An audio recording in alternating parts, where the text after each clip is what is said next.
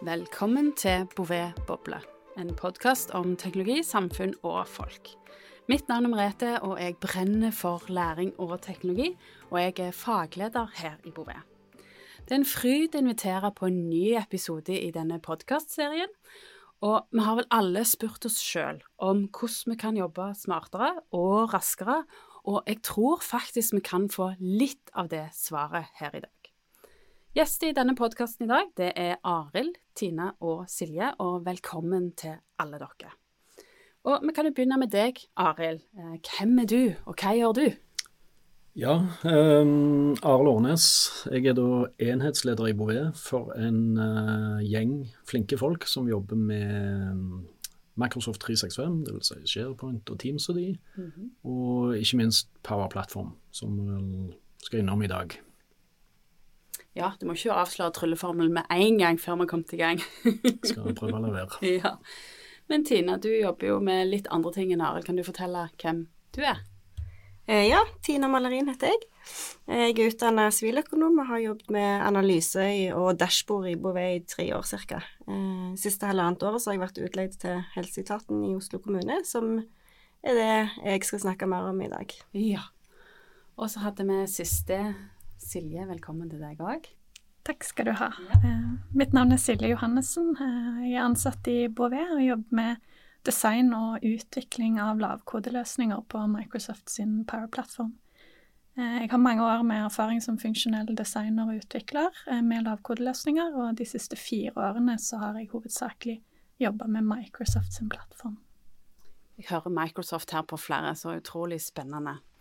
Ja, skal vi starte med deg da, Arild. Altså, eh, vi har vel alle lyst til å jobbe smartere og raskere, og det er mange måter å gjøre det på. Men jeg har plukket opp noen sånne ord som low code, er det mange som snakker om, og du nevnte jo power-plattform. Eh, hva er egentlig det? Ja, um, det er jo ting som er i vinden nå, da.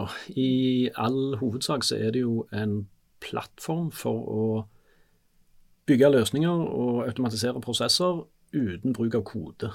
Så det er ikke tradisjonell utvikling. Uh, men det er et verktøy som det er meningen at uh, skal være raskere å ta i bruk, lettere å lage ting, og lettere for uh, folk i forretningen sjøl å produsere ting. da. Det er liksom hovedelementet. Så da kan faktisk jeg òg, som ikke utvikler, ta i bruk dette verktøyet, da? Det er det grunn til å tro at det kanskje ja, kan. Hvis jeg klarer å få det til. det Nei, det er verktøy som skal være lette å ta i bruk, da. Og grunnen til at det er såpass uh, i vinden nå, da, er jo at det, er jo ikke nok utviklere i verden til å lage de tingene som skal lages. Det skal produseres masse apper, digitaliseres prosesser, alt mulig. Og uh, det er ikke nok folk til å gjøre, gjøre jobben. Så uh, derfor er sånne verktøy Derfor er sånne verktøy stor framgang nå, da. Og for vår del er jo det Microsoft Power Platform, da, som er et sånn et uh, low code-verktøy. Fins det uh, verktøy for å lage apper, enten det er mobil eller PC, eller uh, automatisere prosesser. Helt enkle ting, vanlig arbeidsflyt. Uh, varsle deg når det skjer noe i et system. Masse sånne ting som er enkelt å gjøre.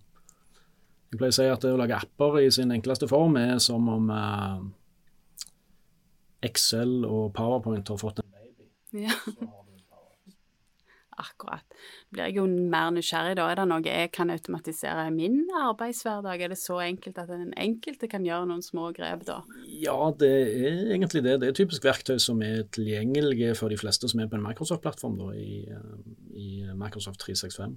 Så du kan automatisere ting i SharePoint eller i Teams eller i kalenderen din. eller i sin enkleste form. Ja. Opp til at du kan produsere komplekse løsninger, som vi sikkert skal høre mer om senere. Men eh, Absolutt. det er alle nivåer uh, imellom her. Mm. Og det er jo en plattform som uh, oppfordrer til såkalt citizen development, da, som er begrepet for at forretningsbrukere sjøl, som sitter nærmest på oppgaven som skal løses, kan delta i å løse oppgavene sjøl, istedenfor å sette det til IT, eller at de må hente inn utviklere for å lage ting. Så kan det være en kombinasjon av at det er f.eks.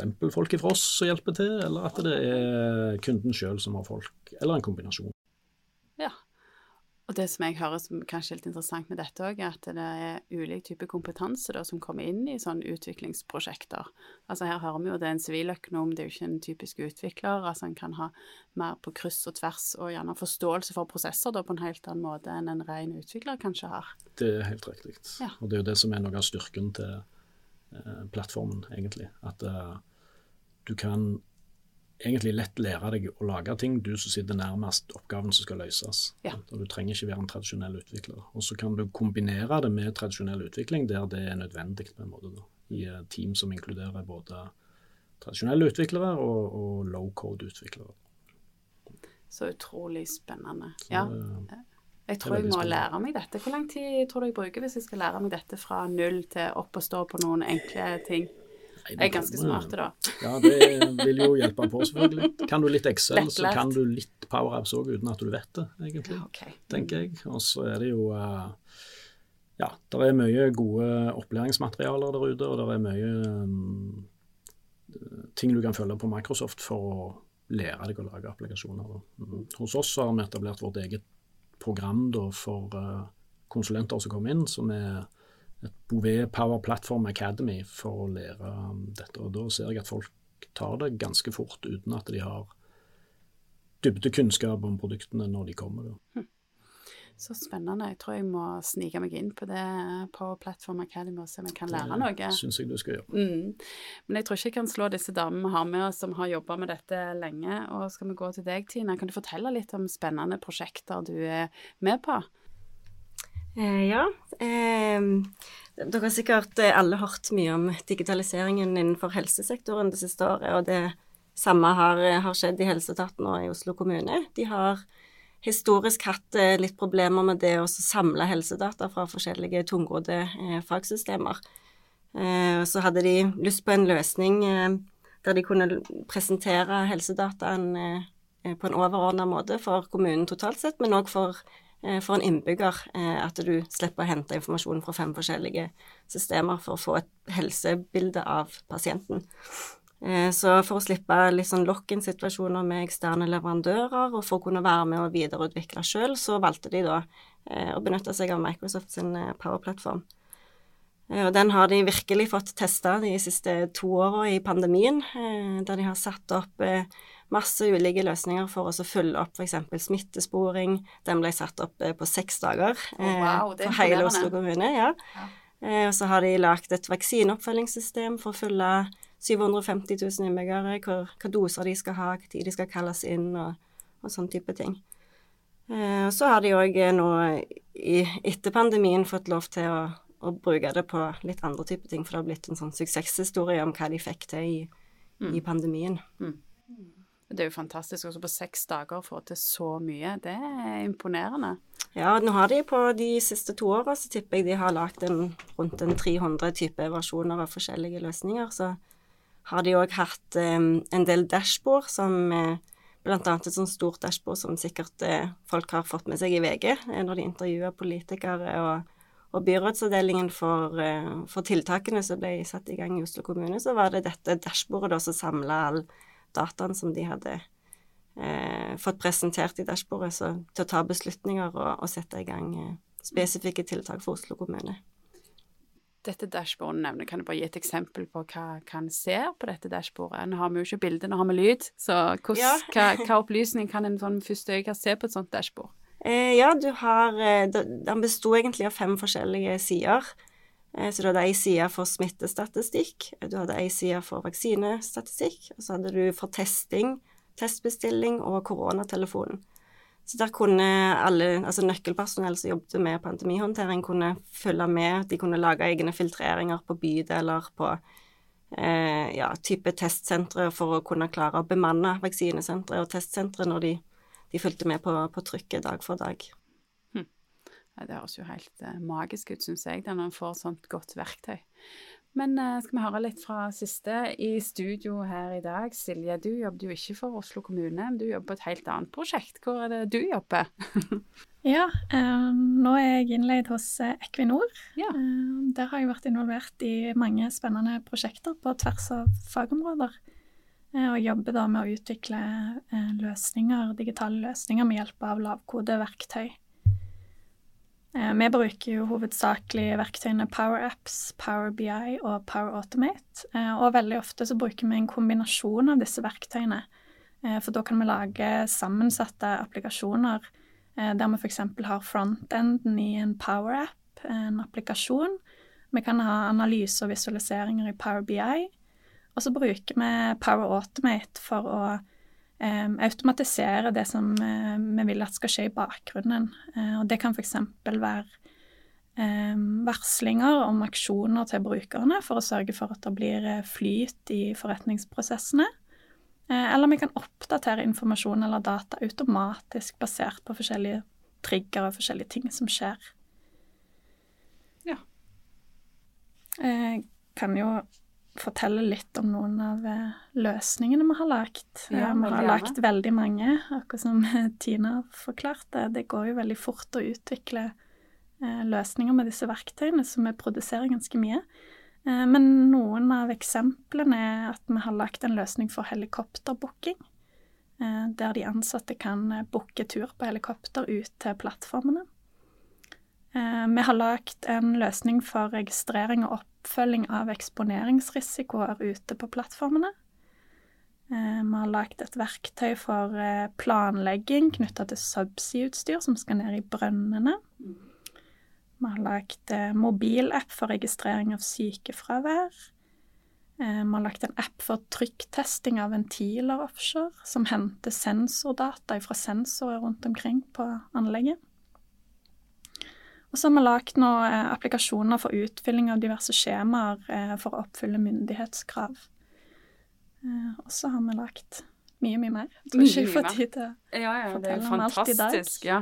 Det er fantastisk å høre at det kan bli så mange ulike typer løsninger, eh, som gjør det kanskje litt lettere å jobbe litt lettere litt smartere på jobb i, i Equinor, da. Mm. Ja, men eh, tilbake til deg, Tina. Kan, kan, du si noe om hvordan dere jobber eh, som team, altså sammen med kunden, metodikk? Altså hvordan kommer dere fram til disse gode løsningene eller dashbord eller verktøy? Eh, ja, vi har eh, et team eh, innad i helseetaten som heter Passinfo. Der det, er, det består av eh, rundt en 15 eh, utviklere, eh, bl.a. konsulenter og folk med, med tjenestebakgrunn. Altså de, de, det kan være sykepleiere som sitter og skrur på ting. Eh, så det oppstår som regel Det begynner med at det oppstår et behov. Noen som har en, en litt tung prosess som de tenker her er det nok noe tid å spare. Eh, og så havner det til slutt inn hos Passinfo, eh, og så får de da lov til å lage en løsning som skal automatisere prosessen. Mm. Ja, er det sånn dere òg jobber, eller hos Equinor, eller er det andre typer metodikker, eller hvordan gjør dere i deres team? Eh, det er kanskje litt annerledes. Mm -hmm. um, jeg jobber jo på mange forskjellige prosjekter utvikling av mange forskjellige løsninger med forskjellige folk, og det varierer jo litt fra prosjekt til prosjekt, men ofte så er vi én eller to utviklere eh, på prosjektet, og så er vi da sammen med en eller flere representanter fra forretningen. Det er da de som er brukere av eh, løsningen, eller skal bli brukere av løsningen. Eh, og vi starter ofte med ett eller to eh, møter med disse brukerne for å forstå litt hva de er ute etter, eh, og for å definere litt sånn overordna scope i den første versjonen av løsningen som vi skal bygge. Mm. Og etter det så starter vi egentlig på utviklingen med en gang. Ofte så er det da snakk om at vi i første omgang lager en mockup eller et forslag til en eller to av sidene i applikasjonen, f.eks basert på det vi har diskutert så langt. Eh, og når vi da har noe klart til å vise, eh, så diskuterer vi det med brukerne i prosjektgruppa eh, for å se om vi da har forstått riktig, om vi har forstått hva de er ute etter. og da finner vi eventuelt ut hva vi må endre på, og så finner vi ut hvordan vi skal gå videre. Hva skal vi, hva skal vi bygge nå av funksjonalitet. Og som regel så har vi flere iterasjoner da, med sånne møter, og så utvikler vi mellom møtene. Eh, og så gir vi òg brukerne tilgang til løsningen mens vi utvikler, sånn at de kan gå inn og teste og trykke imellom disse workshop-møtene vi har, og så kan de òg komme med tilbakemeldinger. De trenger ikke, trenger ikke å vente på møter. Ja. Så det er veldig sånn effektiv måte å jobbe på. Det høres veldig smart ut. Litt fram og tilbake og testing underveis, sånn at en får et bedre produkt. Mm. Mm. Hele tiden basert på tilbakemeldingene da, fra de som skal bruke Ja. løsningen. Eh, Så bruker vi ikke så mye tid på å å utvikle løsninger. Eh, Tiden det tar fra vi har det første møtet til vi har en løsning som er sett i produksjon og som blir tatt i bruk, det varierer jo mye. Litt avhengig av kompleksiteten i den løsningen vi lager, eh, og litt tilgjengeligheten og kapasiteten til de i forretningen, da. Mm. Noen ganger så stopper det litt opp fordi de er travle med andre ting. Um, men som regel så bruker vi mellom to uker og tre måneder eh, på å sette opp en løsning eller gjøre ferdig en løsning. Ja. Det er jo helt fantastisk. Jeg har bare hørt om disse lange, lange prosjektene, som, eh, men dette er jo tydeligvis verktøy som gjør at en kan komme kjapt i gang med å få til en, eh, en funksjonell løsning som kunden trenger. Eh, før vi går helt inn for landing, nå kjenner jeg at jeg har mange spørsmål her til alle tre, men, men eh, nå har vi iallfall fått litt eh, innblikk i hvordan det er å jobbe i ulike prosjekter, og gode eksempler på bruk av teknologi, som kanskje gjør at vi jobber litt smartere og litt mer effektivt. Men før vi går inn for landing, hadde jeg lyst til å høre om dere har noen sånne gode tips, jeg, eh, learn hack eller læringstips, for eh, jeg pleier alltid å spørre what did you learn in school today? Og det er jo kjempebra å få med seg en sånn læring på slutten. Så helt avslutningsvis eh, skal vi begynne med deg, eh, Tina. Eh, ja, jeg eh, tror egentlig at eh, jeg, jeg har fått en litt sånn åpenbaring etter jeg begynte å jobbe med, med low code og powerplattform, at det, der er sinnssykt mye som kan automatiseres. Ja. Og jeg skulle egentlig ønske jeg visste om dette her når jeg jobbet som kontroller og regnskapsansvarlig for noen år siden. Eh, og så har jeg òg sett eh, den effekten som, som konkrete data kan ha på beslutninger, eh, er òg veldig gull verdt. Så det er bare til å begynne. Ja, ja, så du skulle visst dette for noen år siden, ikke sant? jeg. Ja. Og jeg tror jo fortsatt det er noen som tar beslutninger på magefølelsen, men det er mye bedre å bruke data da, som du har rett foran deg. Det er det. Ja, ja har du et læringstips, eh, Silje? Ja, um, et godt tips det er egentlig å prøve og feile litt, eh, og så lære av eh, feilene. Em, Du kan f.eks. sette opp et utgangspunkt til en løsning, og så teste det ut. Og hvis det ikke fungerer, så har vi i hvert fall lært at det ikke fungerer. Eh, Vi har kanskje lært hvorfor det ikke fungerer. Eh, Og da får vi jo kanskje òg en bedre forståelse for hva som må til for å lage en løsning som faktisk gir verdi for brukerne. Eh, Og ofte så vet ikke forretningen heller nøyaktig hva de trenger. Så jeg føler at denne måten å jobbe på, det gjør at vi på en måte sammen kan finne ut av det Mm. Eh, i utviklingsprosessen. eh, Fordi at vi som utviklere kan forstå hvordan forretningen jobber og hva de trenger, samtidig som de får innsikt i de teknologiske mulighetene som finnes. Eh, For fordelen med å utvikle i lavkodeverktøy er jo at det går veldig fort, så det koster ikke så mye å gjøre feil. Det koster ikke så mye å gjøre feil. Nei, det var, var godt å vite. Men Arild, vi åpna jo her med å snakke om denne trylleformelen for å jobbe smartere og mer effektivt. Eh, Nå har vi jo fått høre to gode eksempler eh, fra ulike kunder hvor en har gode løsninger. Men har du et sånt trylletriks eller et læringstips nå på slutten? Ja, um, jeg tenker at det beste du kan gjøre er å tenke at en sånn plattform kan gi deg utrolig mye verdi på kort tid. Mm. For det, at det, sitter nok mye kunnskap ute i butikken som faktisk kan lage løsninger for deg raskt. Så du kan benytte dine folk til å gjøre de tingene. Og så Et siste sånn punkt er at eh, for det om det er lett å ta i bruk, så er det greit å ha kontroll. Eh, Ja. Så governance-biten, det å ha kontroll på hvem lager hva hvor, og hva er produsert, og hva er fornuftig og hva er ikke fornuftig, og hvem har rettigheter til å gjøre hva hvor, og hvem kan utveksle data med hvem, og alt dette greiene her, det er viktig å få kontroll på. Og helst først. Helst først, ja. ja. Så kontroll på data først, og så begynner med det gøy utviklingen av disse fantastiske løsningene med bruk av Absolutt. Og verktøy. Det trenger ikke være veldig komplisert, men det er liksom en viktig prosess å gjøre det, å få litt kontroll på de tingene først. Absolutt. Ja, nå bobler jeg nesten over her. Jeg har jo fortsatt flere spørsmål, men jeg tror vi skal gå inn for landing jeg, eh, med disse gode tipsene i forhold til å bruke verktøy og teknologi på smart måte. Så har vi jo faktisk kanskje noe som vi ikke har tatt i bruk allerede, som er et mulighetsrom for mange der ute. Så kanskje vi kan Jeg skal iallfall gå og se om jeg kan automatisere en eller annen liten gøy ting bare for å teste ut, og kanskje skal jeg svinge, innom dette Power Platform Akademi òg, som Arild snakket om. Eh, så tusen takk til alle dere tre som var med i denne podkasten.